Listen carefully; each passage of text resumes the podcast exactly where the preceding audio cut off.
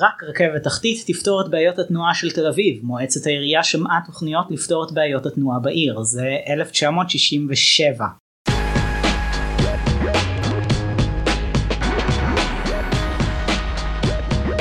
96 רוני מילו התראיין לנושא ברדיו ואמר אם לא נעשה את הרכבת התחתית תוך כמה שנים נהפוך פה את כל האזור לגוש מכוניות אחד שלא יוכל לזוז ימינה ושמאלה.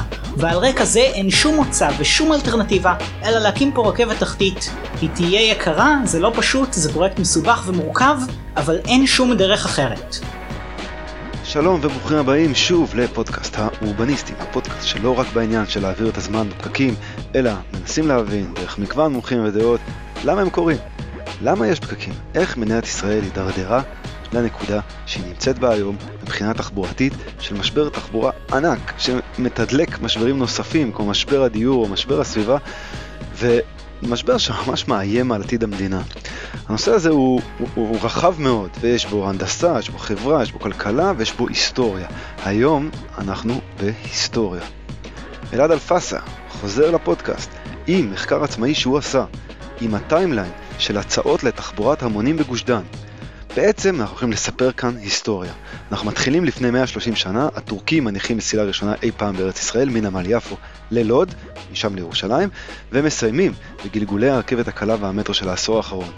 אני חושב שאולי אנשים מודעים לכך שהיו הרבה הצעות בעבר, למשל כולם מכירים את הסיפור עם גולדה מאיר שחונכת את הרכבת התחתית בתל אביב בשנות ה-70, מניחה את אבן הפינה, אבל אני חושב שאנחנו מביאים פה אקסטרה נוספת בכך שאנחנו א', מביאים סיפור מלא יותר ממה שלפחות אני ראיתי. אלעד חפר ומצא תוכניות פנטסטיות על רכבות פרבריות סטייל אסבן בגרמניה, תוכניות שאני לא קראתי עליהן בשום מקום.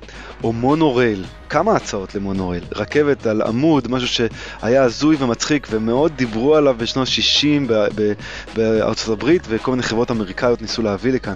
או למשל על הדיסוטופיה שרצתה בשנות ה-70 לשים כבישים מהירים ומחלפים ענקיים בתוך תל אביב. היה כזו תוכנית. וגם, אנחנו לא רק מדברים עד שנות ה-70, ששם בדרך כלל נגמרת ההיסטוריה ברוב הספרים, אלא אנחנו מגיעים גם לשנות ה-80 וה-90 ו- והלאה. לכאורה זמנים שלא קרה בהם שום דבר או שום דבר דרמטי, אבל בעצם אולי התקופה המכריעה ביותר לדמותה הנוכחית של ישראל.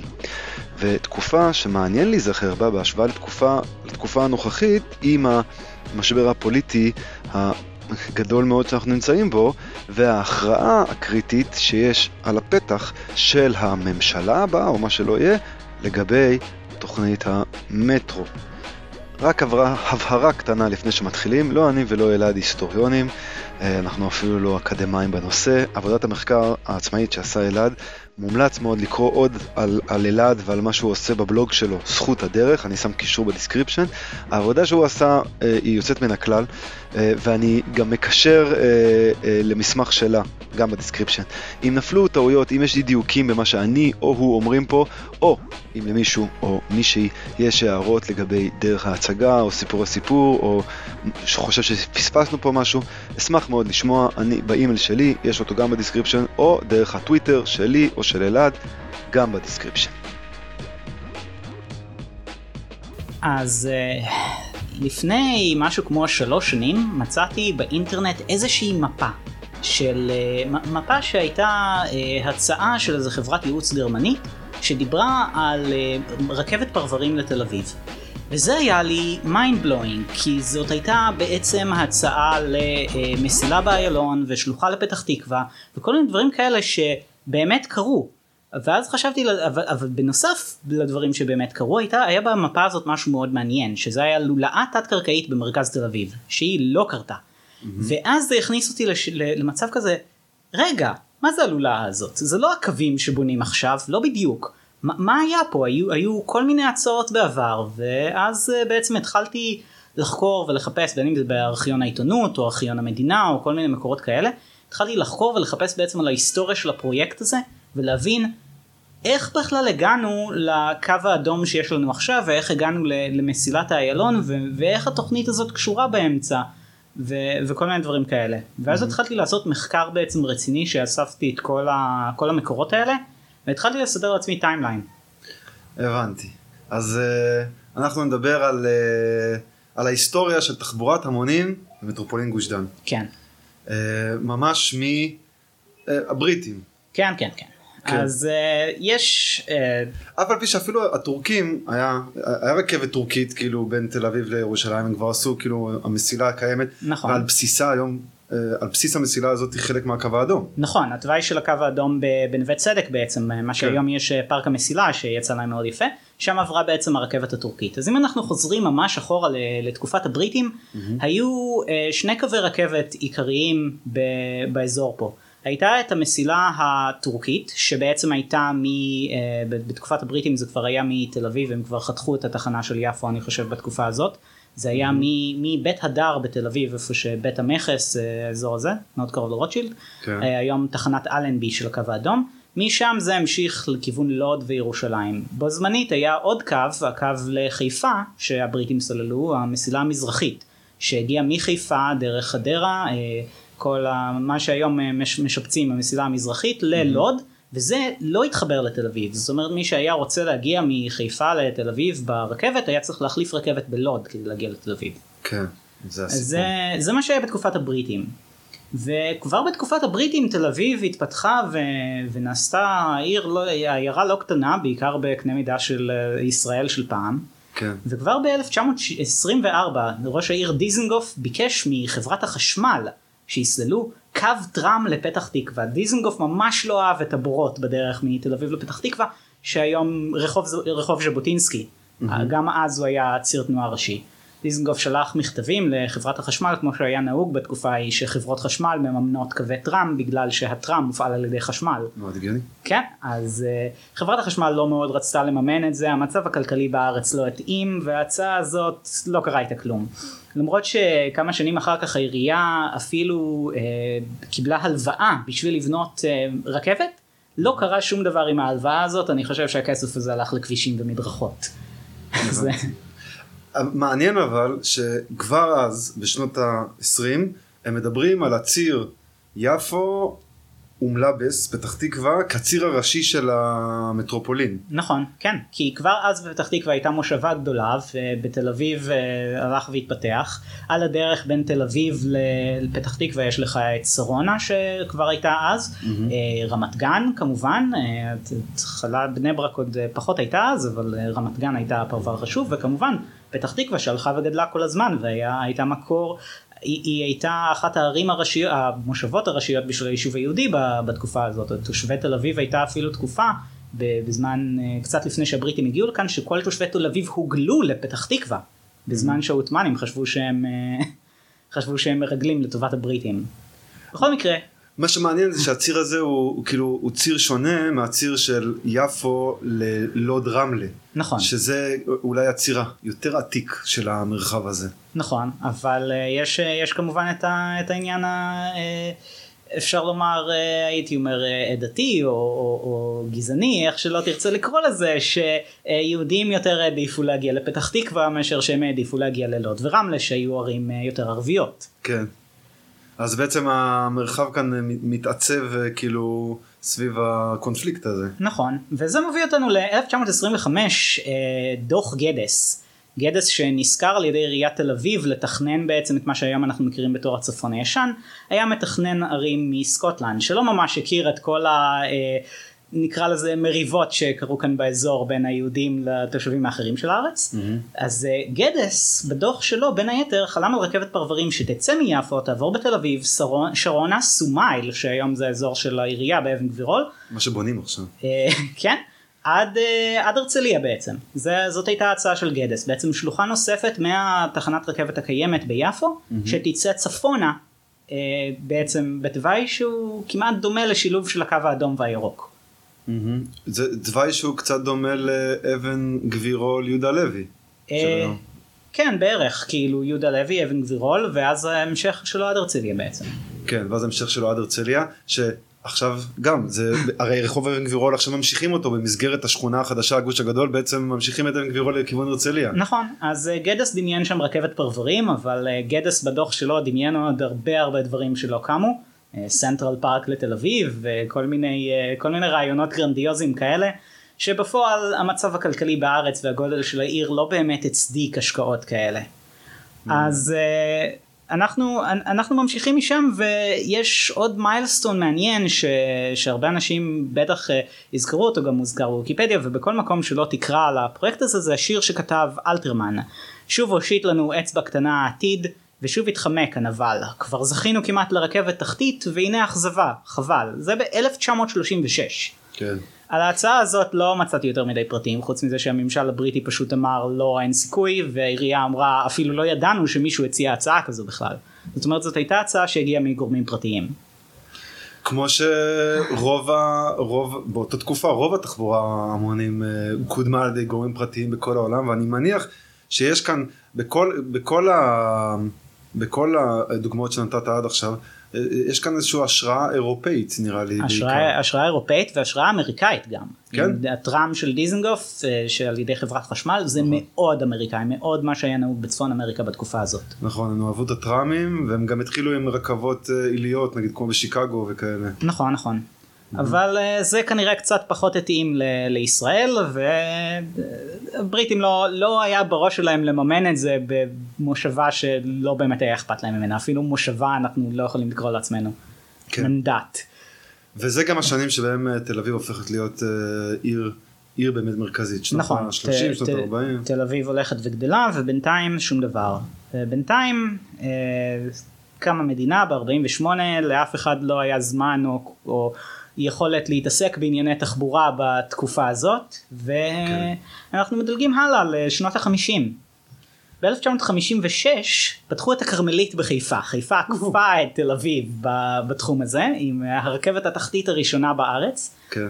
פוניקולר לא בדיוק רכבת אבל uh, כל הזמן אומרים את זה פוניקולר וואלה זה מתחת לקרקע זה מתחת לקרקע זה נוסע על מסילות כן מושך את זה כבל אבל בסופו של דבר זה הכי קרוב לרכבת תחתית שיש לנו בישראל. לגמרי. ו... האמת שאתה יודע אני פעם כשקראתי על, uh, על הסיבות למה uh, למשל לונדון קיבלה את הרכבת התחתית הראשונה אחד הדברים שאומרים זה בגלל הגיאולוגיה. היה שם, uh, לונדון בעצם יושבת על בוץ, בוץ שמאוד קל uh, להסיר אותו ולבנות עליו, הם גם המציאו את המנגנון shielding הזה, שזה כמו היום איך שחופרים ואז שמים את זה. ותל אביב היא בעייתית מבחינה גיאולוגית. כן. לחפור בחול ואז לייצב אותו זה משהו שהוא תמיד תמיד זה גם היה סוג התירוץ של למה אין רכבת תחתית בתל אביב לפחות מה שאני יודע. לעומת זאת בכרמל קל. קל, קל כן, לחפור. זה הכל סלע שאפשר פשוט לפוצץ. את הכרמלית כן, בנו עם פיצוצים. בדיוק, בנו עם פיצוצים. בפיצוצים בתל אביב לא הביאו אותך רחוק בגלל החול, מי תהום, בלאגנים כאלה שבאמת הופכים את החפירה ליותר מסובכת. בדיוק. אבל הכרמלית בחיפה ובאופן כללי הפקקי תנועה שכבר ב fifties אה, היו דבר שמעסיק אנשים כי ככל שיש יותר מכוניות יש יותר פקקים וככל שיש וכאילו ב fifties כבר אה, כבר זה התחיל.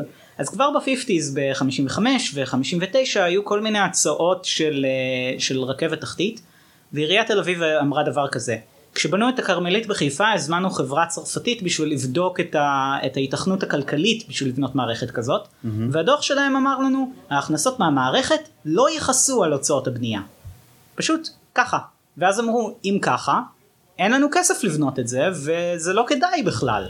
שזה משהו שחוזר גם היום כשמדברים על המטרו. רגע אבל זה אמרו על, על הכרמלית או על... לא לא זה אח, על... אחרי שבנו את הכרמלית עיריית תל אביב אמרה היי רגע בואו נבדוק גם אצלנו. אוקיי. ואז זו התוצאה שאמרו להם זה יקר מדי ההכנסות לא יכסו את ההוצאות, ההוצאות של הבנייה. הבנתי ובעצם גם אז הם לא הבינו את uh, עניין ה... כאילו כסף ציבורי שבעצם אתה יוצר תועלות לציבור לאו דווקא ל... לאו דווקא תועלות כספיות. נכון נכון וזה בדיוק, בדיוק אותו ויכוח שיש לנו היום עם המטרו רק שהיום המדינה יותר מוכנה לממן ובשנות החמישים זה פחות היה ככה גם כי למדינה הצעירה הייתה היה הרבה פחות כסף וגם בגלל שהעדיפות של השלטון באותה תקופה לא היה השקעות בתל אביב אלא לפזר את האוכלוסייה כאילו בכל הארץ. זה השתנה? זו שאלה טובה אני חושב ש...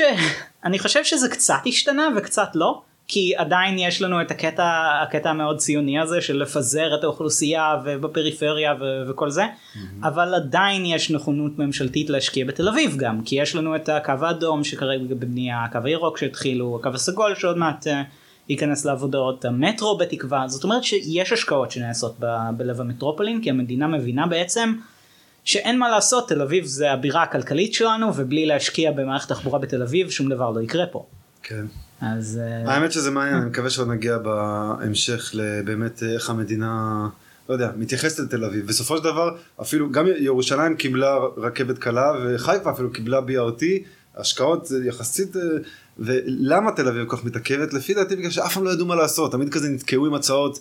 אה, שהיו יקרות מדי ואף פעם לא, לא הכריעו. יש לך עוד בעיה שבתל אביב אין עירייה אחת. בחיפה אם אתה מסתכל על ה-BRT רוב ה-BRT בחיפה זה בתחום עיריית חיפה ולא בתחום, uh, בתחום הקריות. כן. ה-BRT אנחנו מדברים כמובן על המטרונית. Uh, בירושלים יש לך שטח מוניציפלי עצום שהוא כולו עירייה אחת בודדת. לעומת זאת בגוש דן יש לנו המון רשויות שכל הזמן מאבקי כוחות ביניהם. ובאמת אנחנו רואים את זה גם, uh, גם בסיקסטיז כשמתחילים לדבר יותר ברצינות גם במוסדות ממשלתיים מתחילים לדבר יותר ברצינות על רכבת תחתית וכבר אז את זה קידמה עיריית תל אביב וכבר אז הממשלה התחילה להבין שכשעיריית תל אביב מקדמת התוכנית שיוצאת היא מאוד מאוד אה, נקרא לזה מתמקדת בתל אביב ומתעלמת מערים אחרות במרחב וזה לא יכול לעבוד. וגם יש לך כי, כי בכל, בכל זאת תל אביב לא עומדת לבדה. תל אביב תלויה בכל המטרופולין וכל המטרופולין תלוי בתל אביב. אנחנו אותו עיר וההפרדה המוניציפלית היא די מלאכותית. ההפרדה המוניציפלית היא, היא כמעט רק יש כאן איזשהו עניין כלכלי כזה שהם רבים על תקציבים וכזה אין, אין הפרדה בשטח. כן אתה לא אתה לא רואה קו גבול עם שומר בין תל אביב לרמת גן ברוב המקרים אפילו לא שלט אבל זה כן מאוד עניין של אגו מקומי ועניין של כל עירייה נלחמת בשביל התושבים שלה ובשביל מה שיהיה הכי טוב לתושבים שלה ואף אחד לא נלחם בשביל המטרופולין כולו. כן. זה בעיה שיש לנו עד היום. לגמרי. אז uh, ב-1961 הייתה הצעה למונורייל בין תל אביב לירושלים. מונורייל. מונורייל, כמו, כמו בפרק הזה בסימפסונס. בוא נדבר שנייה על המונורייל. מונורייל זה, מונורייל זה להבנתי, תקן אותי אם אני טועה, זה כזה כמו שיש בדיסנילנד. זה, כן. זה על uh, טרק אחד, כאילו על מסילה אחת במקום על שתיים, mm-hmm. וכאילו חובק אותה. ולא בדיוק סגור על מה היתרונות של זה, קראתי על זה קצת, היתרונות של זה, לא יודע, זה קצת יותר קל אולי, זה יכול, סיבובים קצת יותר טוב הוא עושה. כן, היתרונות של זה מעטים, בעיקר אני חושב שזה קל יותר, זה אולי קל יותר לבנות מאשר רכבת עילית, אבל מצד שני החסרונות הם כאילו מכאן ועד הודעה חדשה. זה גם מסובך יותר להעביר מונורייל ממסילה למסילה, בניגוד לסוויצ'ים שיש לנו ברכבות, שזה הרבה כן. יותר פשוט. זה בסופו של דבר ברוב העולם לא משתמשים במונוריילים לתחבורה ציבורית. המעט מערכות מונורייל שיש, רובן בפרקי שעשועים וכאלה, יש, יש גם בוונקובר וכל מיני כאלה שכן עובדות, כן. אבל בסופו של דבר יש להם טכנולוגיה הזאת המון חסרונות וזה אבל היה... אבל היה טירוף בשנות ה-60, במיוחד בארצות הברית. כן, זה, זה, היה, זה היה הטרנד, כמו שמכוניות כן. אוטונומיות היום, אז היה מונורייל. אז זה מונורל ויש את הפרק האגדי של סימפסון כן. שבאים אה, מציעים להם מונורל בספרינגפילד אז, אז זה בעצם אותו דבר זה בעצם אותו דבר כי באה בא חברה פרטית בעצם ואמרה לממשלה בואו תבנו לנו מונורייל בין ירושלים לתל אביב זה יעזור לחזק את ירושלים וזה יעזור לנו להרוויח כסף בעצם ממכירת קרקעות לאורך המונורייל בשביל לפתח עיר. Uh-huh. ההצעה הזאת אה, כל גורמי התכנון אה, של ממשלת מפא"י כמובן אה, קטלו לגמרי את ההצעה הזאת של מונורייל בין תל אביב לירושלים בין אם מסיבות ביטחוניות של סכנה לפגיעה בעמודים של המונורייל ובין אם בעיות שהן יותר עניינים של פיתוח אורבני שהם לא רצו שיתבצר בעצם סרט עיר בצורת סרט לאורך המונורייל כל הדרך בין תל אביב לירושלים זה לא הרגיש להם נכון באותה תקופה ובטח שלא פיתוח קרקעות ספקולטיבי. שזה היה משהו שמאוד מאוד לא אהבו בממשלה באותם שנים. בוא נודה על האמת, זה לא, זה לא תוכנית ריאלית. אי אפשר לא. לעשות מונורל בין תל אביב לירושלים. לא, ברור שלא, ברור שלא, אבל זה לא שינה את ה... את ה זה, זה, זה לא הפריע לחברה הזאת לנסות לקבל תקציבים ואישורים מהממשלה. כן, מעניין אבל שקו תל אביב ירושלים רכבת מהירה בנו הסינים רק לפני, התחילו לבנות את זה לפני 15 שנה בערך, אה, שזה, שזה מה שכן קרה. כן זה קרה זה קרה בסוף. זה משהו שדיברו עליו במשך נצח כי הרכבת הישנה לירושלים הייתה מאוד מאוד איטית ומתפתלת וצריך קשרי תחבורה טובים אם אתה רוצה בעיקר אם אתה רוצה שירושלים תהיה הבירה בעצם אז אי אפשר להשאיר אותה נסמכת רק על רק על כבישים זה לא אגב, את, ה, את הסוג, את הפיתוח, כאילו, הרי הרכבת נפתחה בעצם רק עכשיו, סוג של, עם כל הקורונה זה אי אפשר כבר לדעת מה זה עכשיו ומה זה לא עכשיו, ואנחנו עדיין לא יודעים בדיוק איך זה ייראה, כאילו, מה, מה סוג, ה- מה הרכבת, איך היא תשנה את תל אביב ואת ירושלים. נכון. היו כל מיני ספקולציות, למשל שלא יודע, מי שלומד בבצלאל לא צריך עכשיו לגור בירושלים, יוכל לגור בתל אביב, זה ירוקן את אה, ירושלים מאנשים שחייבים לגור בה אבל לא רוצים. אני לא מאמין אגב שזה יקרה, אני חושב שזה יכול לקרות ההפך, אבל אני חושב שבשביל אה, שנדע קודם הרכבת צריכה לעבוד כמו שצריך בלי הגבלות של השוברים והזמנה מראש וכל כן. הבלגנים האלה שהם עושים. כן, אבל זה כאילו מונורייל שהיה לכאורה כאילו מפתח אה, איזה ציר ירושלים אה, תל אביב, הוא באמת לא הגיוני, גם זה תפיסה לא... לא, אז שום דבר לא הגיוני ובאמת בז... ב... בשנה עוד עוד שנה אחרי ההצעה הזאת למונורייל תל אביב ירושלים שלא קרה איתה כלום עיריית תל אביב בעצם הזמינה שוב מומחים מהמטרו בפריז כדי בכל זאת לבוא עם איזושהי תוכנית. זאת אומרת למרות ששנתיים לפני זה אמרו לא אין סיכוי זה יקר מדי בכל זאת הייתה איזושהי הבנה שכאילו אין ברירה חייבים מערכת תחבורה ציבורית. מעניין- אבל שבאמת כל ההצעות האלה נדחות נדחות אבל הרעיון שצריך עדיין איזושהי תחבורה ציבורית המונים נשאר. נכון. כי, כי יש לך בעצם את המאבק הקבוע הזה אפשר לקרוא לזה בין אה, אנשים של תקציבים ואנשים של תכנון. כי כל האנשים של התכנון יגידו לך חייבים מערכת הסעת המונים אין פתרון אחר וכל האנשים של התקציב יגידו לך השתגעת זה ממש יקר. כן. זה כאילו משהו שגם היום יש לנו וגם אז היה. וגם תמיד טיעון שאתה תמיד יכול להגיד גם היום וגם בשנות ה-40 תראה אנחנו עכשיו סבבה בלי כן? אז, אז אפשר גם להמשיך ככה בלי אפילו. ו- הש... השאלה אם אנחנו סבבה בלי זה שאלה זה שאלה טובה כי מדברים על זה שבגוש דן יש הבדל של 50% בזמן נסיעה בין שעת השיא לשעת השפל שזה מטורף. נסיעה שלוקחת 20 דקות בשעת השפל לוקחת יותר משעה בשעת העומס בלי שום אלטרנטיבה של הסעת המונים כן. זה לא בטוח שהייתי אומר שאנחנו מסתדרים כל כך טוב אם זה המצב וגם תל אביב היא העיר הכי אה, עמוס כאילו עם הכי הרבה אובדן זמן ו- ו- כן. ו-OECD וכל כמעט כל מדד שאתה מסתכל. נכון אז לא בטוח שאנחנו כזה מסתדרים מסכים. נכון. אבל בכל זאת הצעות מגיעות והפסילות שלהם ממשיכות.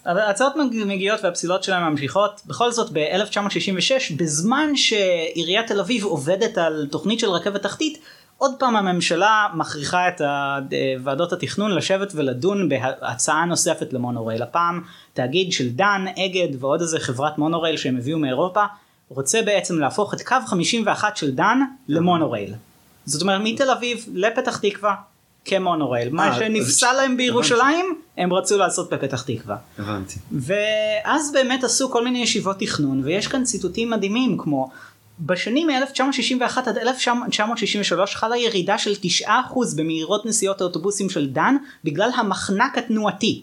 אהה. ו- שנת 66. שני, זה כן זה, זה דובר בשנת 66-65 וזה נתונים של שנת 61 עד 63. זאת אומרת הפגיעה במהירות של האוטובוסים ובשירותי האוטובוסים התחילה כבר בסיקסיס ויש כאן שורה מדהימה שזה שורה שאנ- שאנחנו אם אנחנו נתרגם אותה לעברית מודרנית זה משהו שאנשים שמתעסקים בתחבורה יגידו לך שוב ושוב והשורה הזאת הייתה הפתרונות של הרחבת כבישים וה- והגישה הנוחה של הרכב הפרטי למרכזי העיר הביא לציפוף יתר. זאת אומרת כבר ב-65 הם מודים שככל שאתה מרחיב את הכביש ככה העיר נעשית יותר צפופה ופקוקה במכוניות. מעניין. כן.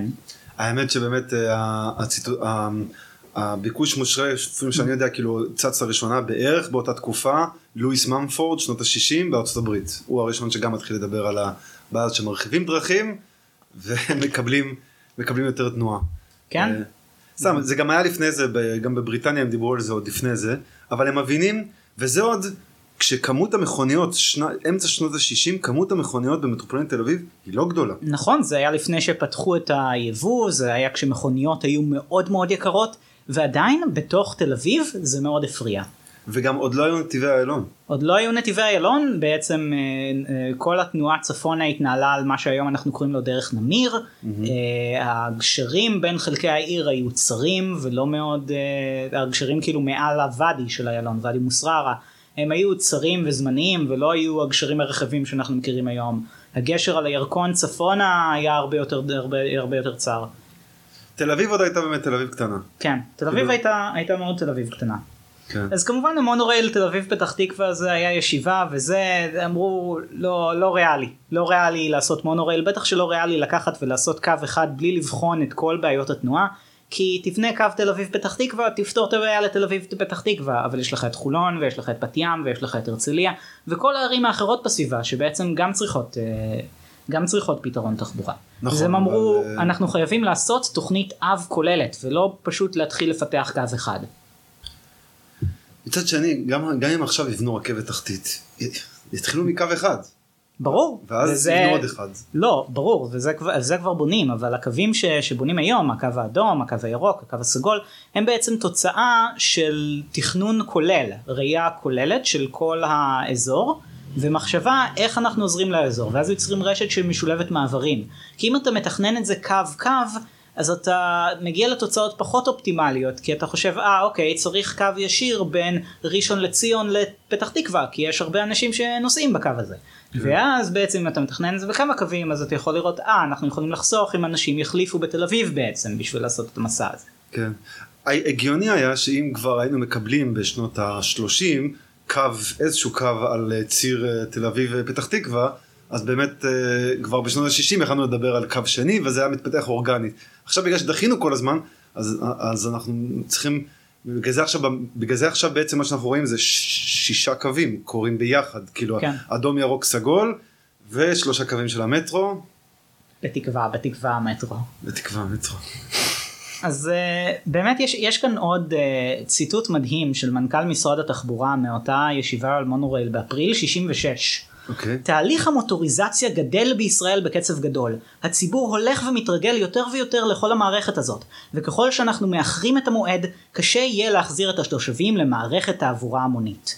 בעצם אם אנחנו מסתכלים וחוזרים לשנות ה-60 פיצול הנסיעות זאת אומרת אחוז המשתמשים בתחבורה ציבורית היה משהו כמו 80 אחוז. כן. 80 אחוז אנשים נסעו באוטובוסים היום זה מטורף. כאילו היעד שהעירייה שואפת עליו היום זה משהו כמו 70 אחוז ברכב פרטי. המטרו, דוח המטרו טוען שאפשר יהיה להגיע ל-40% שימוש בתחבורה ציבורית עם המטרו. זה 40 אחוז היום, כשבשנות ה-60 היה להם 80 אחוז, אז בעצם הם אומרים אנחנו חייבים לבנות רכבת תחתית כמה שיותר מהר, כי אם אנחנו לא עושים את זה, אנשים כבר יתרגלו לרכב הפרטי, ויעדיפו את הרכב הפרטי, והפקקים רק יחמירו, ואנחנו לא נצליח לשכנע אותם לעבור חזרה לתחבורה ציבורית. כאילו, יש מי שגם בשנות ה-60 מבין את מה שקורה. כן, כן, ו- ואנחנו אפילו לא מדברים על כאילו איזשהו פקיד שוליים, אנחנו מדברים על מנכ"ל משרד התחבורה. זאת אומרת, הגורמים המקצועיים שהיו אחראים על כל הדברים האלה, ידעו. הבעיה כמובן הייתה שלא היה כסף לזה. פשוט לא היה כסף. לפחות זו, זו הייתה הטענה, כל פעם אמרו, זה לא יכסה את עצמו, זה לא כלכלי, אין לנו תקציב לזה, צריך להשקיע במקומות אחרים. אבל מצד שני, המדינה אז היא מדינה עוד סוציאליסטית כן. באיזשהו מידה. לממשלה היה יחסית הרבה כסף. רוב התוצר היה תוצר ממשלתי עדיין בתקופה הזאת.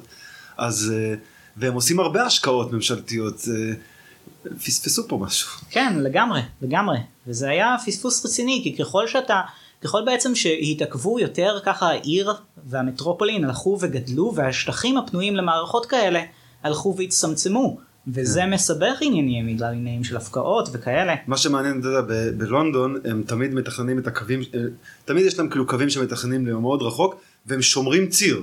יש ציר ששמור בתוכניות, גם אם יבנו את זה רק עוד 20 או 30 שנה או 50 שנה, ואת זה גם הם לא מסכימים לעשות. נכון, אבל זה גם בין היתר בגלל שבשנות ה-60 כשעבדו על זה זה בעיקר עיריית תל אביב אה, קידמה את זה ועיריית תל אביב היו לו כל מיני רעיונות לתוואים בתוך העיר כל מיני אה, תוכניות שונות ומשונות לקווים כאילו יש, יש לי את המפות שמראות את זה לא דומה בכלל למה שאנחנו בונים היום. וזה לא באמת הממשלה לא באמת רצתה להשקיע במשהו שהוא לוקאלי לתל אביב בלבד. דיברת על התוכנית של רכבת אה, פרברית עם לופ בתוך תל אביב, זה גם מהתקופה הזאת. נכון, אז זה, זה בעצם אה, לקראת סוף שנות ה-60 הקימו אה, צוות תוכנית אב לתחבורה של מטרופולין תל אביב. זה היה צוות שהיה משותף לעירייה ולמדינה והתחילו לעבוד ברצינות. ואנחנו צריכים שוב לחש... לדבר על הקונטקסט התחבורתי של אז, אנחנו מדברים על תקופה שלפני נתיבי איילון וגם לפני המסילת הרכבת שהייתה באיילון. זאת אומרת, אבל זה כבר אחרי שהייתה את המסילה מחיפה. זאת אומרת, אבל- מחדרה מערב חיברו דרך אה, איפה שהיום המסילה. אז, אה, אז המסילה הישנה הזאתי, המזרחית, לא הגיעה לתל אביב. המסילה שהגיעה לתל אביב נבנתה בשנות ה-50 זה קו החוף. כן, בדיוק, על זה אני מדבר. אז קו החוף בהתחלה הגיע לתחנת בני ברק, שאז נקראה תל אביב צפון. אה, כמה שנים אחר כך האריכו אותה לתחנה שהיום אנחנו קוראים לה סבידור מרכז, ארלוזורוב. כן. אבל הרכבת בעצם מדרום הייתה מפוצלת מהרכבת לצפון, לא היה קישור בין הרכבות האלה. היה רכבת, איפה שהיום תל אביב ההגנה הייתה תל אביב דרום, אני חושב. תל אביב דרום. זה קצת יותר דרומה, זה הולץ. זה נפתח ב-1970. כשהתחילו לבנות את נתיבי איילון, בין הדברים שעשו זה אמרו, אוקיי, יש, אה, יש בעיה גדולה של פקקי תנועה בתל אביב, אנחנו חייבים כמה שיותר מהר לעשות כל מיני פתרונות. ואז התחילו כל מיני דברים שאז היו פחות, בין אם זה להוסיף רמזורים, לסמן נתיבים בכביש, כל מיני דברים שפחות חשבו עליהם לפני זה.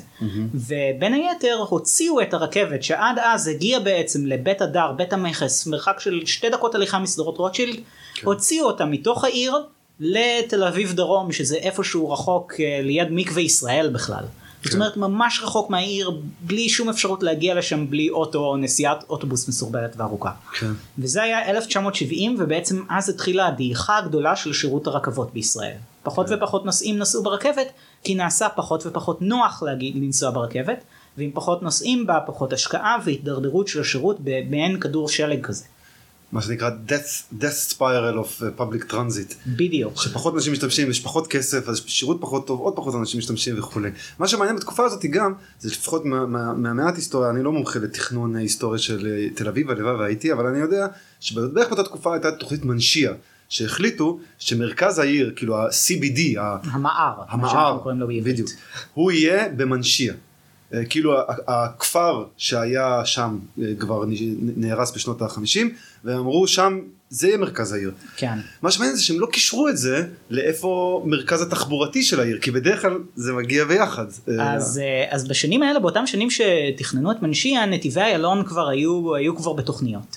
והתוכנית שלהם הייתה בעצם לעשות כביש מהיר שהיה מגיע עד הים. איפה שהיום יש לנו את רחוב הרכבת, שהוא רחוב מאוד רחב, היה אמור להמשיך דרך נווה צדק, דרך המסילה הטורקית בעצם, היו, תכננו להרוס שם המון בניינים. אוטוסטרדה. לעשות אוטוסטרדה שתגיע עד הים עם מחלף ענקי שם בקויפמן ל- ליד אה, קויפמן שדרות ירושלים איפה שהיום מתחם התחנה. מחלף ספגטי ענקי לכל הכיוונים וואי, זה וואי. הצטרף לתוכנית למגה סטרקטורות שהייתה הורסת נווה צדק ובונה בעצם כיכרות מוגבהות קצת כמו כיכר השעות היפות שיש היום ליד המלונות שם במנשיה תכננו לבנות עוד כמה כאלה שיחברו את כל זה עד רוטשילד כדי שהמכוניות ייסעו למטה ומעל ילכו האנשים ממש 60's לגמרי כן. יש לנו מזל שלא בנו את זה כן, אה? איך, איך, טוב, יש לנו, יש לנו מזל שהם דיברו על הרבה דברים ולא עשו כלום. כן כי אם הם היו עושים את זה אז היה ממש אה, אסון היה ממש הורג את האזור הזה של תל אביב כמו שקרה להמון אה, מקומות בארצות הברית. כן, וגם בבריטניה, כאילו כל, איפה שם כבישים הצליחו להיכנס לתוך העיר, כן. הרס את העיר. בדיוק אז uh, למזלנו זה לא קרה למרות שכאילו בנו את רחוב הרכבת מאוד רחב ויהודה הלוי וכל זה כן. זאת אומרת אתה יכול היית יכול עוד לפני כמה שנים לפני שהתחילו לבנות uh, תחנת אלנבי היית יכול ממש לראות את, ה, את הרמזים לתוכנית הזאת ואת הרמזים לפיתוח שהיה אז. ב- אגב, אפשר בשאלת שוליים. היום, שלא מזמן חנכו, ואני לא מזמן ראיתי את כל הפיתוח שם בתחנת אלנבי, מה אתה חושב על זה? אני חושב שזה שיפור רציני לעומת מה שהיה שם קודם כי זה הרבה פחות נתיבי תנועה.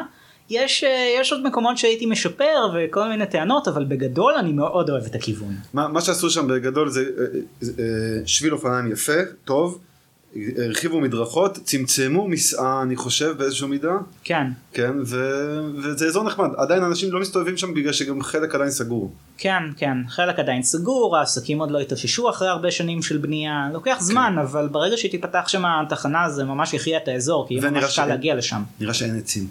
אה, שתלו דווקא עצים, שתלו הם עצים. פשוט מאוד קטנים, אני לא יודע אם הם יגדלו.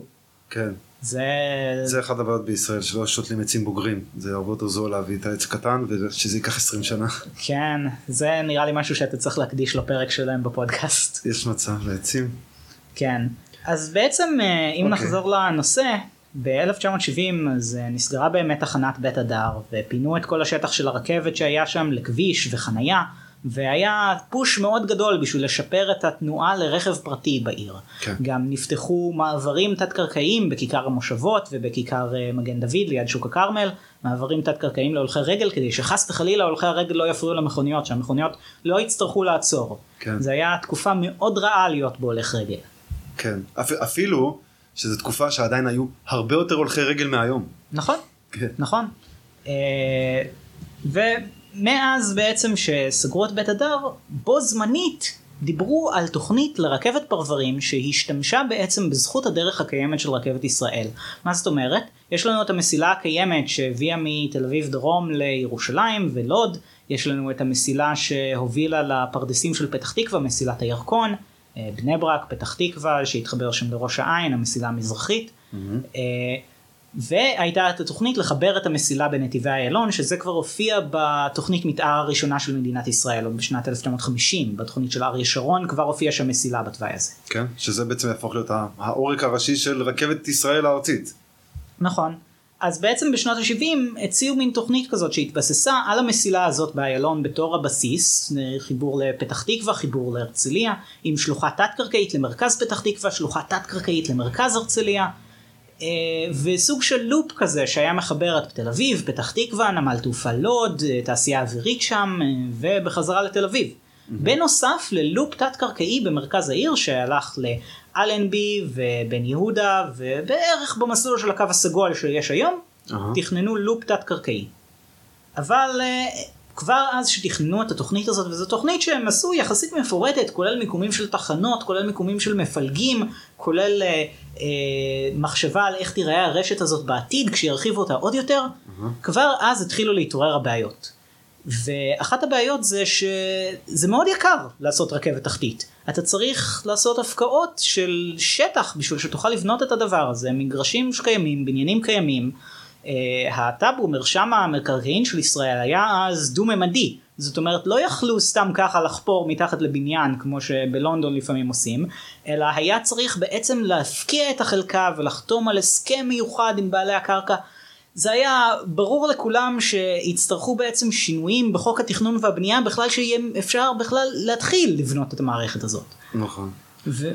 טוב, אבל אה, אתה יודע, זה, זה פרויקט, אה, אז זה היה פרויקט גרנדיוזי, וגם מה שמדברים עליו היום, המטרו, נגיד הרכבות הקלות זה לא כזה פרויקט גרנדיוזי, כן. אבל המטרו הוא פרויקט גרנדיוזי. ברור, צריך ברור. להעביר בשבילו חוקים. ברור ברור uh, בשביל המטרו לפחות uh, היו לנו התקדמויות בחוק התכנון ומאז שנות ה-70 היו הרבה התקדמויות והמטרו היום הרבה יש הרבה פחות דברים שבשבילם צריך חוק ספציפי בשביל הפרויקט של המטרו יכול להיות שעדיין צריך חוק ככל הנראה עדיין צריך חוק אבל פחות מורכב ממה שזה היה ב-70's לפני שהיה בכלל שום ניסיון כזה בארץ כן. זה היה בעצם פעם ראשונה.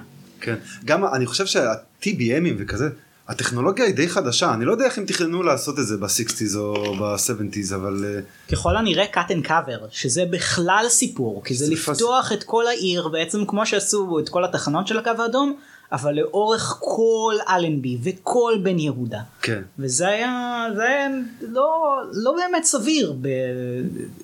כנראה אני לא יודע, זה כנראה, תשמע, בלונדון בנו ככה. בלונדון, אני חושב לפני שנות ה-60, כי נכון. בשנות ה-60 מה שבנו בלונדון כבר עשו עם אה, כאילו חפירה פנימית כזאת. כן.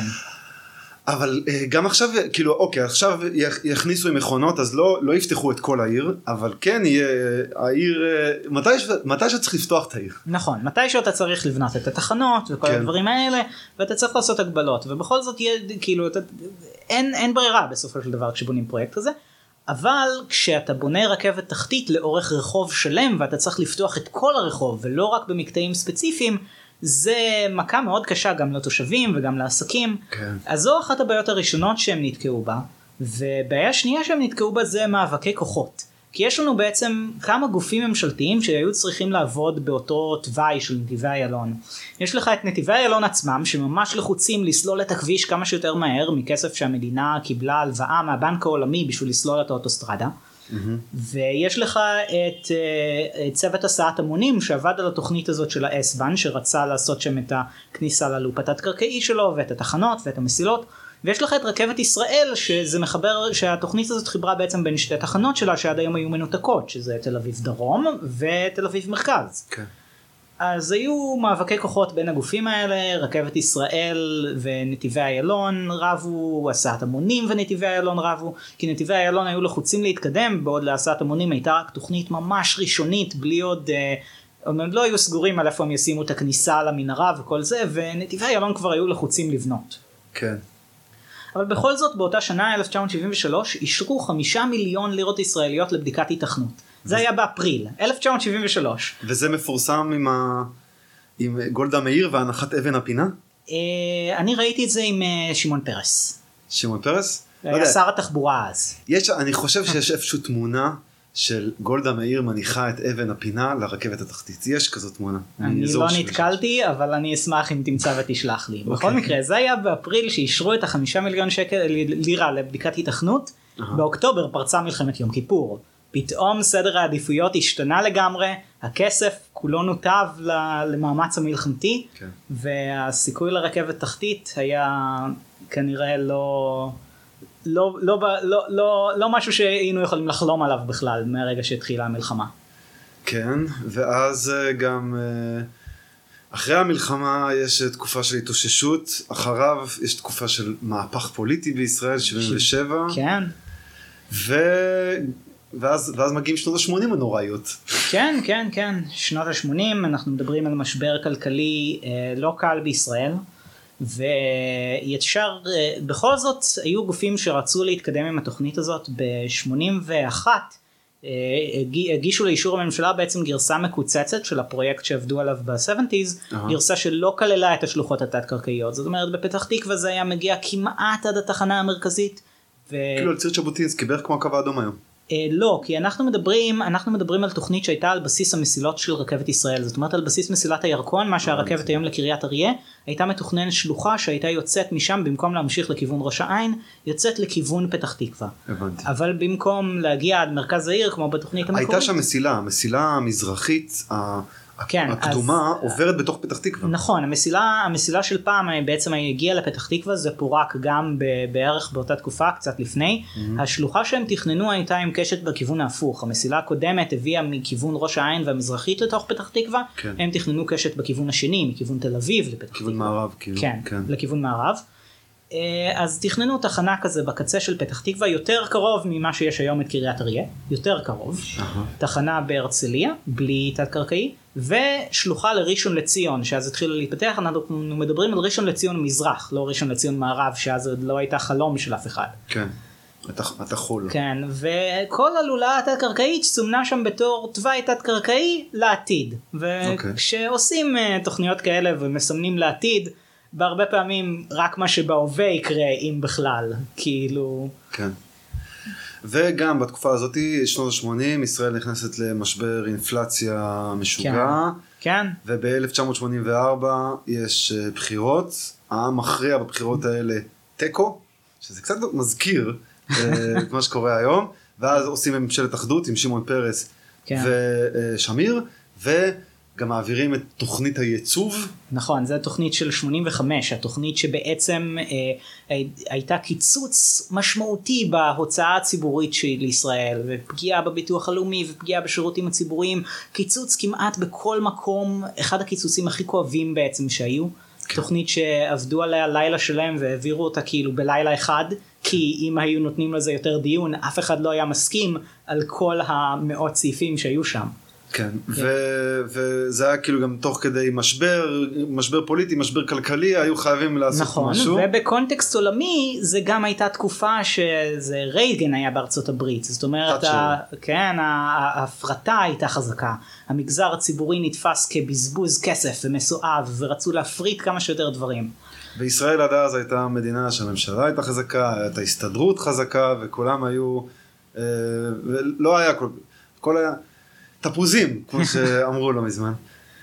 כן, ומאז אנחנו מקבלים אה, באמת אה, צמיחה של הון פרטי, אה, והפרטה, שזה מגיע להון פרטי, עדיין פרטיות, ומכוניות הופכות להיות מוצר עממי מאוד. נכון מאוד, פותחים את היבוא בעצם של המכוניות, פותחים את השוק ליבוא, וגם עשו שם משהו שבעצם, בגלל שלמדינה לא היו מספיק הכנסות ממיסים, הם ניסו מה שאנחנו, מה שהיום מכנים אותו להגדיל את העוגה, של ההכנסות, ובעצם אמרו ניתן להרבה אנשים לקנות מכוניות, נפתח את היבוא ונעשה מיסי צריכה על המכוניות. ובעצם שם נולדה תלות, המיס, תלות המיסוי שיש לישראל היום למכוניות, שמדברים איתה על כמה שהמדינה תלויה במס דלק, שאנחנו מדברים על משהו כמו, אל תתפוס אותי במילה, 40% מההכנסות של הממשלה, משהו כזה? לא, אני חושב שזה אזור מס דלק ומס קנייה מכוניות ביחד אזור ה-15%, שזה המון.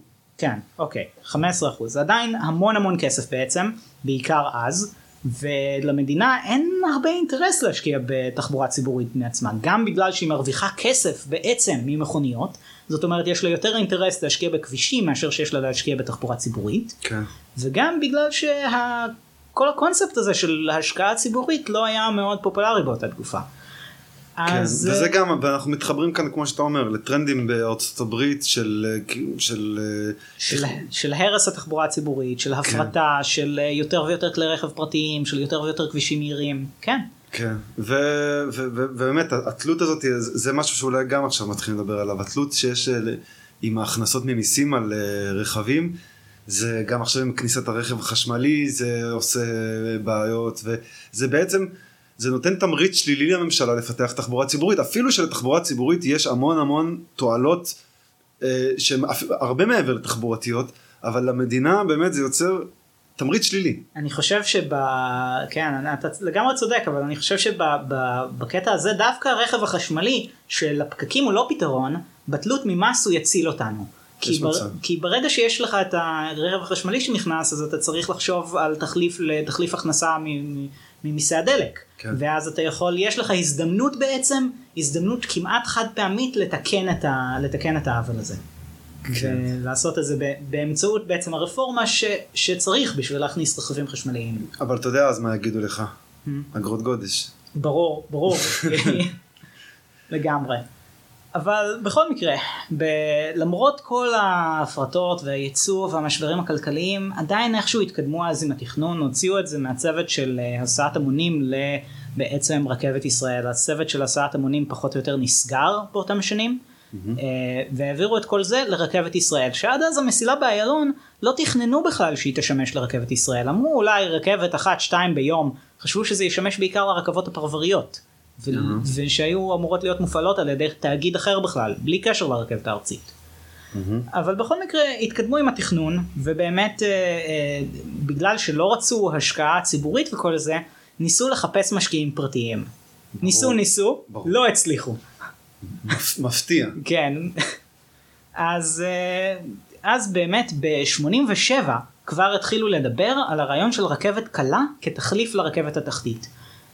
מה שהם אמרו בעצם, אנחנו נשתמש בזכויות הדרך הקיימות, במסילות הקיימות של הרכבת ישראל, בשביל לפנות רכבת פרברים, שאנשים יגיעו אליה עם האוטו, מה שבעצם היום אנחנו קוראים לו חנה וסע, לאנשים בפרברים יש אוטו, הם יגיעו לרכבת עם האוטו, ייקחו את הרכבת לתל אביב.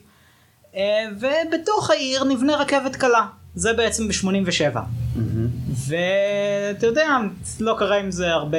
התפיסה נשארה. התפיסה? חנה וסע זה עדיין הפתרון, ה-go to פתרון כן, כמעט כן, אם אתה מסתכל על תכנון של רכבות, תחנות רכבת חדשות של רכבת ישראל, חניוני ענק, כאילו, אתה צריך לראות את עפולה.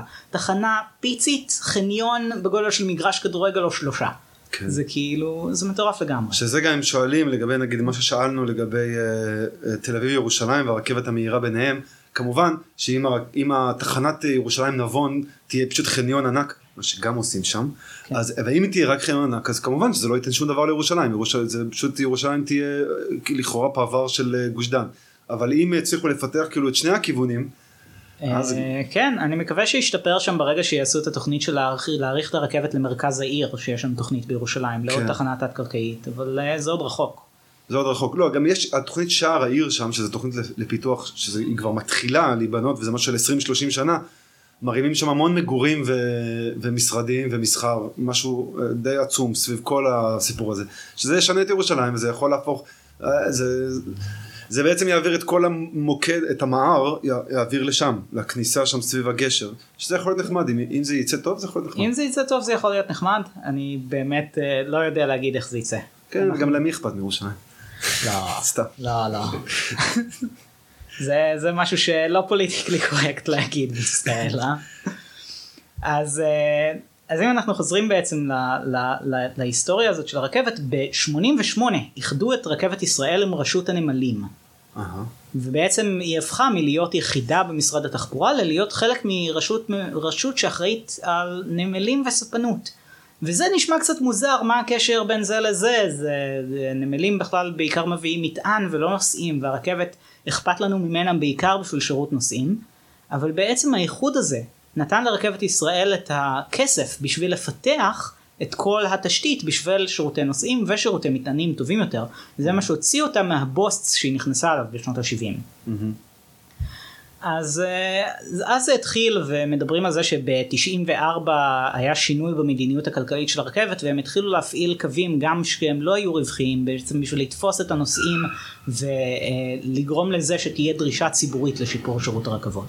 כן. בד בבד ב-95 היה אה, ראש העיר רוני מילו בתל אביב ורוני מילו נבחר על טיקט של אני אביא את הרכבת התחתית. להבדיל מצ'יץ'. כן, שהוא, שהוא היה בדיוק הפוך, והוא היה רכבת תחתית, זה חלום מאוד רחוק, מאיפה נביא את הכסף?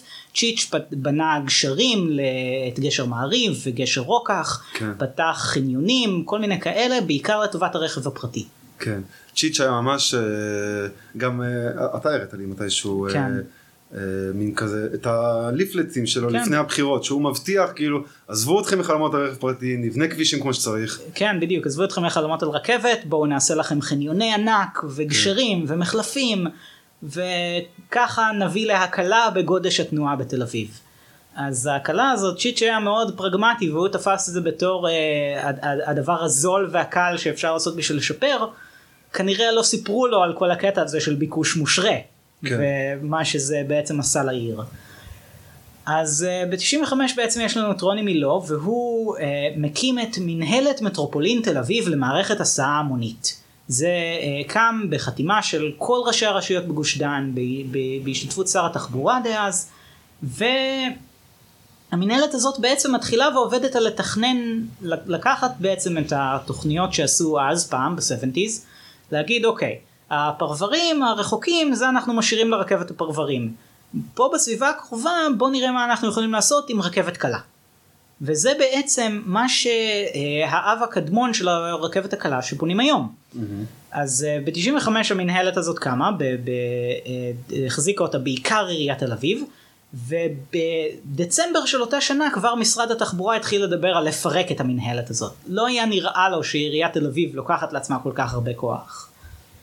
ב-96 רוני מילו התראיין לנושא ברדיו ואמר אם לא נעשה את הרכבת התחתית תוך כמה שנים נהפוך פה את כל האזור לגוש מכוניות אחד שלא יוכל לזוז ימינה ושמאלה ועל רקע זה אין שום מוצא ושום אלטרנטיבה אלא להקים פה רכבת תחתית היא תהיה יקרה זה לא פשוט זה פרויקט מסובך ומורכב אבל אין שום דרך אחרת.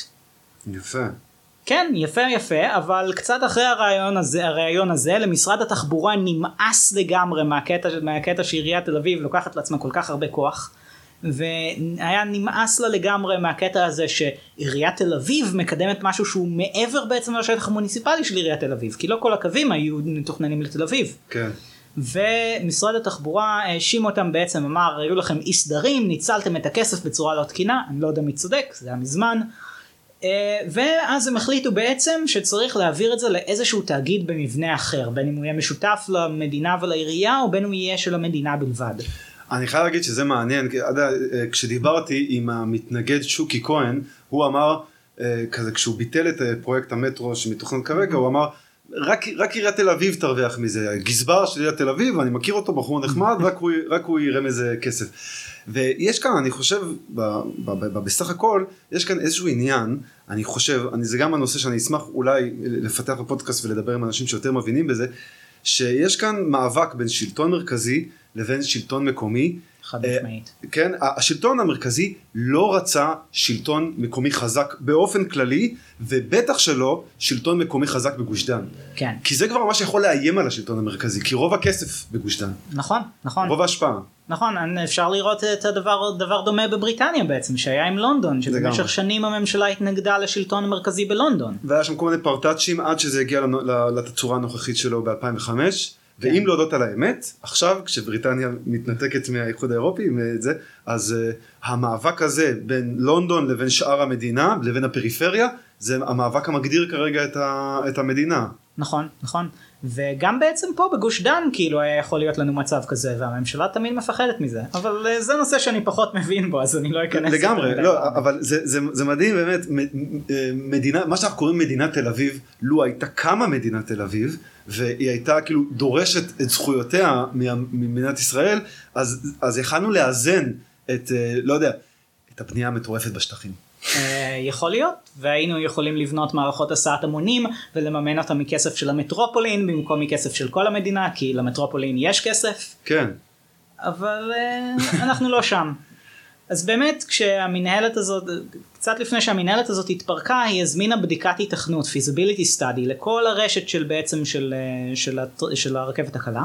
כן. ובזמן הבדיקת התכנות הזאת היו ישיבות עם ראשי עיריות של כל העיריות בסביבה למשל עם אה, רמת גן שהם הוסיפו לנו את הקו הצהוב למפה שלא היה לפניהם וב-97 97 אה, בעצם סגרו את המנהלת והקימו את נטע. נטע. נטע שיש לנו עד היום. נטע לקחו את הבדיקת היתכנות שהמנהלת עשתה. נתיבי תחבורה עירוניים. עירוניים. כשהם קמו זה היה נתיבי תחבורה עתידיים ואז שינו את זה. אוקיי. יש, יש לי איפשהו את המסמך שרואים מהארכיון שמשורבט שם כל מיני הצעות לשם. ממש על הדף כאילו החברה תיקרא ואז כתוב בעט כל מיני brainstorming של רעיונות. אוקיי. כן. אז ב-97 בעצם כשקם נטע, כשקמה אה, נטע גם אה, נכתב השיר אה, זהירות מהמרווח. ש... של ענבל פרמוטר. כן, קלאסי, של העתיד נראה לי די מגניב, אני רוצה לנסוע ברכבת התחתית של תל אביב. כן. אגב. איך, היא, איך היא נהרגה? תאונת דרכים, לא? תאונת רכב, כן. אם הייתה רכבת תחתית אולי זה לא היה קורה. כן. אז בעצם זה הקמת נטע, וב-98 סוף סוף לקחו את כל העבודה הזאת שעשו במינהלת, והעבודה הזאת שהתבססה על מה שהתחילו בשנות ה-60, הוציאו ממנה תוכנית מתאר ארצית 23א, שסימנה בעצם המון המון קווים של טראם בכל, ה, בכל, בכל בעצם אה, גוש דן הפנימי. בין אם זה תל אביב, בני ברק, רמת גן, חולון, בת ים, המון קווים, לא רק הקווים שאנחנו מכירים היום במערכת הזאת. טראם. זה, כן, טראם, רכבת קלה. רכבת קלה. כן, הקו לפתח תקווה, עיריית תל אביב התעקשה שהוא יהיה תת קרקעי, התעקשה שהוא יהיה בעצם אה, דומה למטרו, ובעצם בתוכנית הזאת הוא מסומן בתור אה, תת קרקעי במרכז תל אביב, מה שיש לנו היום הקו האדום בעצם, uh-huh. ולפתח תקווה הוא מסומן בתור אופציונלי מעל הקרקע, אופציונלי תת הקרקע, נראה נחליט זה. Uh-huh. התוכנית הזאת לא קרתה כמו שהיא קרתה, זה היה שנות התשעים, מאז אה, היא עברה כמה עדכונים, אה, ואז... אה, ואז גם קרו שוב כמה דברים במדינה, מישהו רצח את רבין, כן. אחרי זה פרצה האינתיפאדה השנייה. כן, כן, הרבה הרבה דברים שעיכבו את הפרויקט, בינתיים ראש העיר אה, חולדאי. פיגועים, הרי אי אפשר היה לעלות על אוטובוסים באותה תקופה, אז לבנות רכבות, אני, אני מניח שזה היה חלק מהשיקול. אני מאמין שכן, אני מאמין שכן, אין לי, אין לי תיעוד לזה, אבל אני מאמין שכן. בעצם אנחנו צריכים להבין שרק ב-99 הכפילו את, ה, את מסילת הירקון לכיוון פתח תקווה, ורק ממש בשנות ה-90 המאוחרות, תחילת שנות ה-2000, הגיעו למצב שיכלו לבנות את המסילה בנתיבי איילון של רכבת ישראל, עד אז זה לא היה. כן. שזה מדהים כי היום לחשוב על תל אביב בלי המסילה בנתיבי איילון זה unthinkable. כן. כשסוגרים את המסילה הזאת יש לנו פקקים מכאן ועד הודעה חדשה. כן.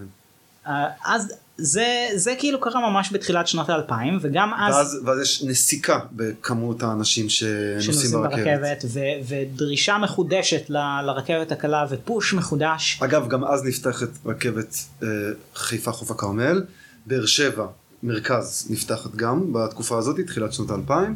זאת אומרת, ומתהווה רשת ארצית פעם ראשונה. כן, כן, לגמרי. וזה מביא ליותר ויותר נוסעים בתחבורה ציבורית, זה מביא לדחיפה מחודשת לרכבות קלות. נטע אה, באותה תקופה אה, התחילו עבודות מקדימות אפילו בתחילת שנות האלפיים, עבודות מקדימות לקו האדום, אה, והם הוציאו את זה במכרז מה שאנחנו קוראים לו שיטת BOT, Build Operate Transfer. חברה פרטית בונה, מממנת חלק גדול מה, מהבנייה, מתפעלת את זה כמה שנים ואז מעבירה למדינה. זה בעצם ככה בנו את הרכבת הקלה בירושלים. כן. אה, שיטה מאוד בעייתית שבירושלים די אה, מתחרטים עליה. כן. אגב, סוף יום העצמאות מתחלף זכיין סוף סוף בירושלים. וואלה, וסיטיפס כן. הולכים. סיטיפס הולכים, המדינה הייתה צריכה לקנות מהם את הקו לפני סוף החוזה, כן. בגלל שהם היו כל כך גרועים. אבל ככה תכננו לבנות גם את הרכבת הקלה בתל אביב והחברה שנבחרה MTS ממש התחילה לעבוד הם עשו את השיקוע של אה, בלינסון בפתח תקווה mm-hmm. והם התחילו לחפור חלק מפירי השילוח ואז הגיע המשבר הכלכלי של שנת 2008 כן. ופתאום לחברה הזאת לא היה איך לממן את כל העסק. אפילו שהמשבר הכלכלי הזה לא כזה פגע בישראל אבל הוא פגע ב... הוא... הרי זה, זה שרשראות אספקה מכל העולם.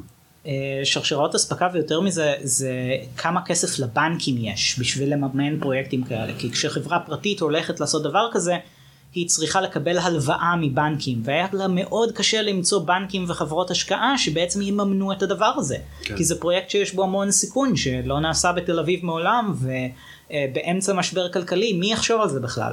כן. זה נכנס בעצם לסכסוכים משפטיים של כמה שנים שבסופם המדינה הלאימה את הפרויקט של הקו האדום mm-hmm. ורק ההלאמה הזאת בעצם הביאה לתחילת הביצוע שלקח עד 2015 רק ב-2015 התחילו לבצע כשהתוכניות הראשוניות כאילו כבר היו ממש ממש מזמן. ואני זוכר אה, איזשהו סקנדל באזור אני חושב 2012-2013 אל תתפוס אותי המילה המשטרה המשטרה פושטת על משרדי נטע mm-hmm. ו...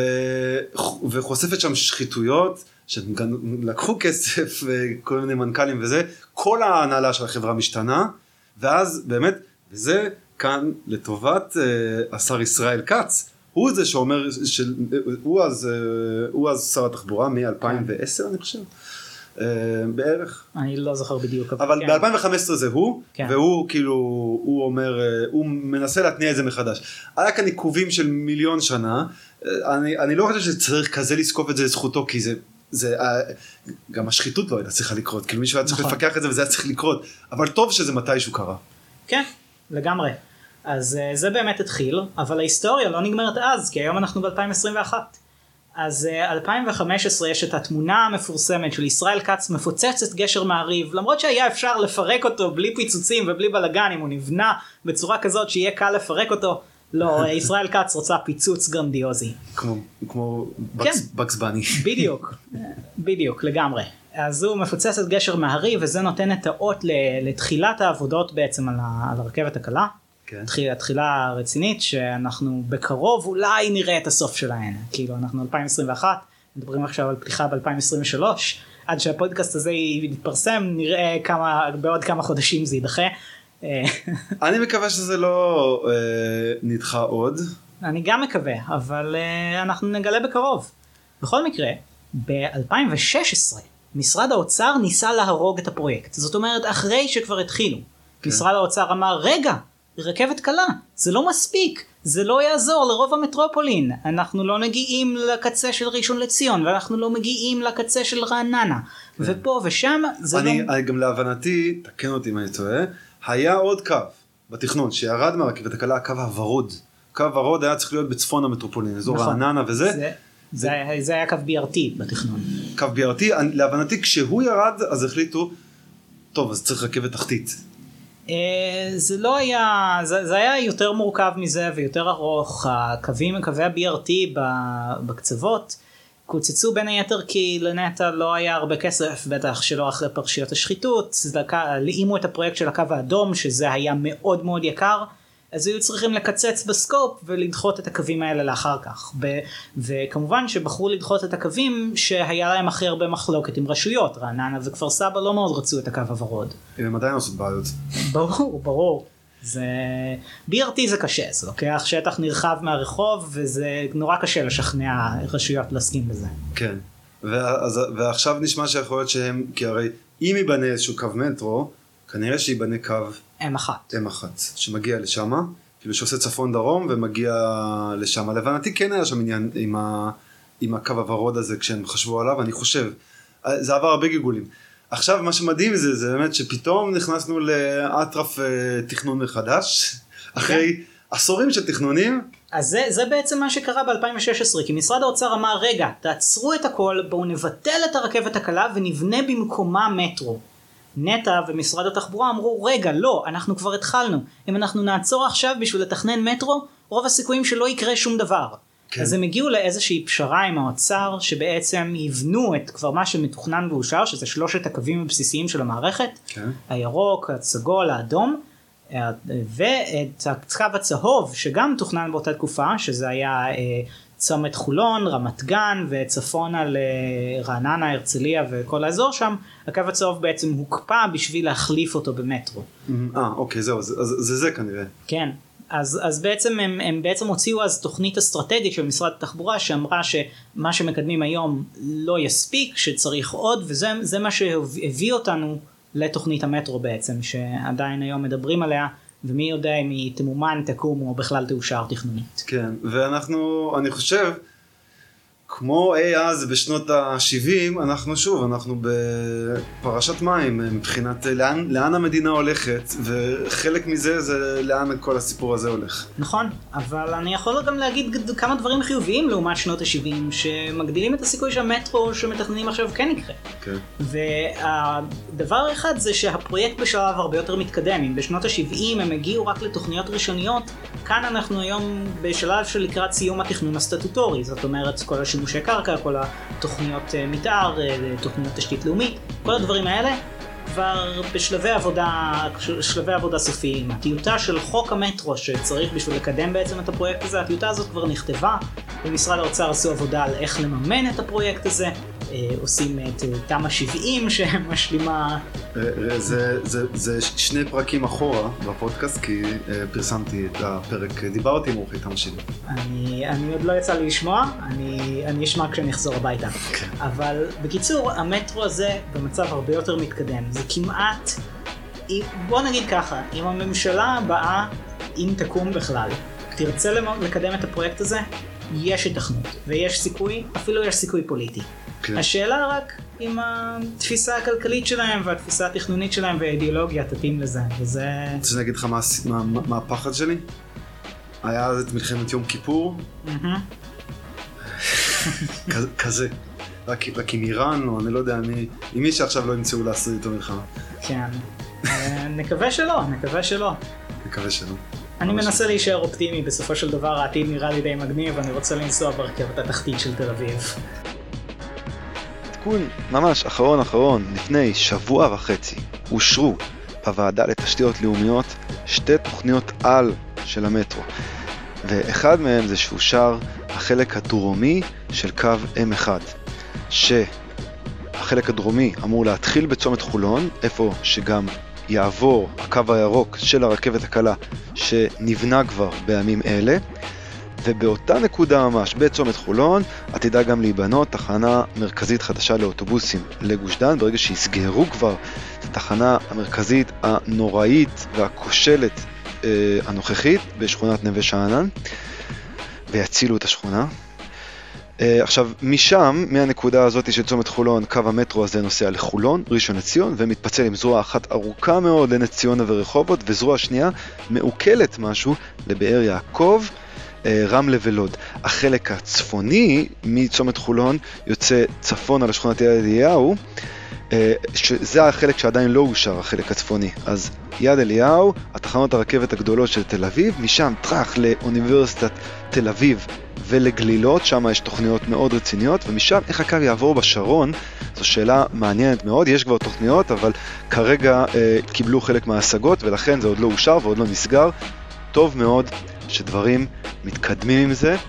אה, החלטת ממשלה הראשונה לגבי מה שהוועדה לתשתיות לאומות אישרה לפני שבוע אמורה להתקבל בינואר, באזור ינואר 2022, עוד אה, בערך חצי שנה, אם, אם תהיה ממשלה, אם דברים יקרו. אה, ואין ספק שהסיפור הזה בקונטקסט ההיסטורי שלו מאוד מעניין, שאפשר בכיף לכתוב עליו ספר או, או לפחות איזה תזה על האוניברסיטה. אני מקווה עוד להתעסק איתו הרבה בפודקאסט, כולל העניין המרתק של מימון הפרויקט. 150 אה, מיליארד שקל, מאיפה יביאו אותם? מעניין. בינתיים, תודה לאלעד אלפסה, חפשו את הקישור לבלוג שלו, זכות הדרך, ולטוויטר שלו ב description הפרק. הפרק הזה הוקלט בבית הצעירים של עיריית תל אביב במאזה 9. תודה רבה לנמרוד רותם ולשני לוי המהממים על העזרה. עד הפרק הבא, לא לשכוח שפעם הזמנים היו יותר טובים, או לפחות ככה כולם אומרים, ככה כולם חושבים, אבל העתיד יכול להיות הרבה הרבה יותר מגניב.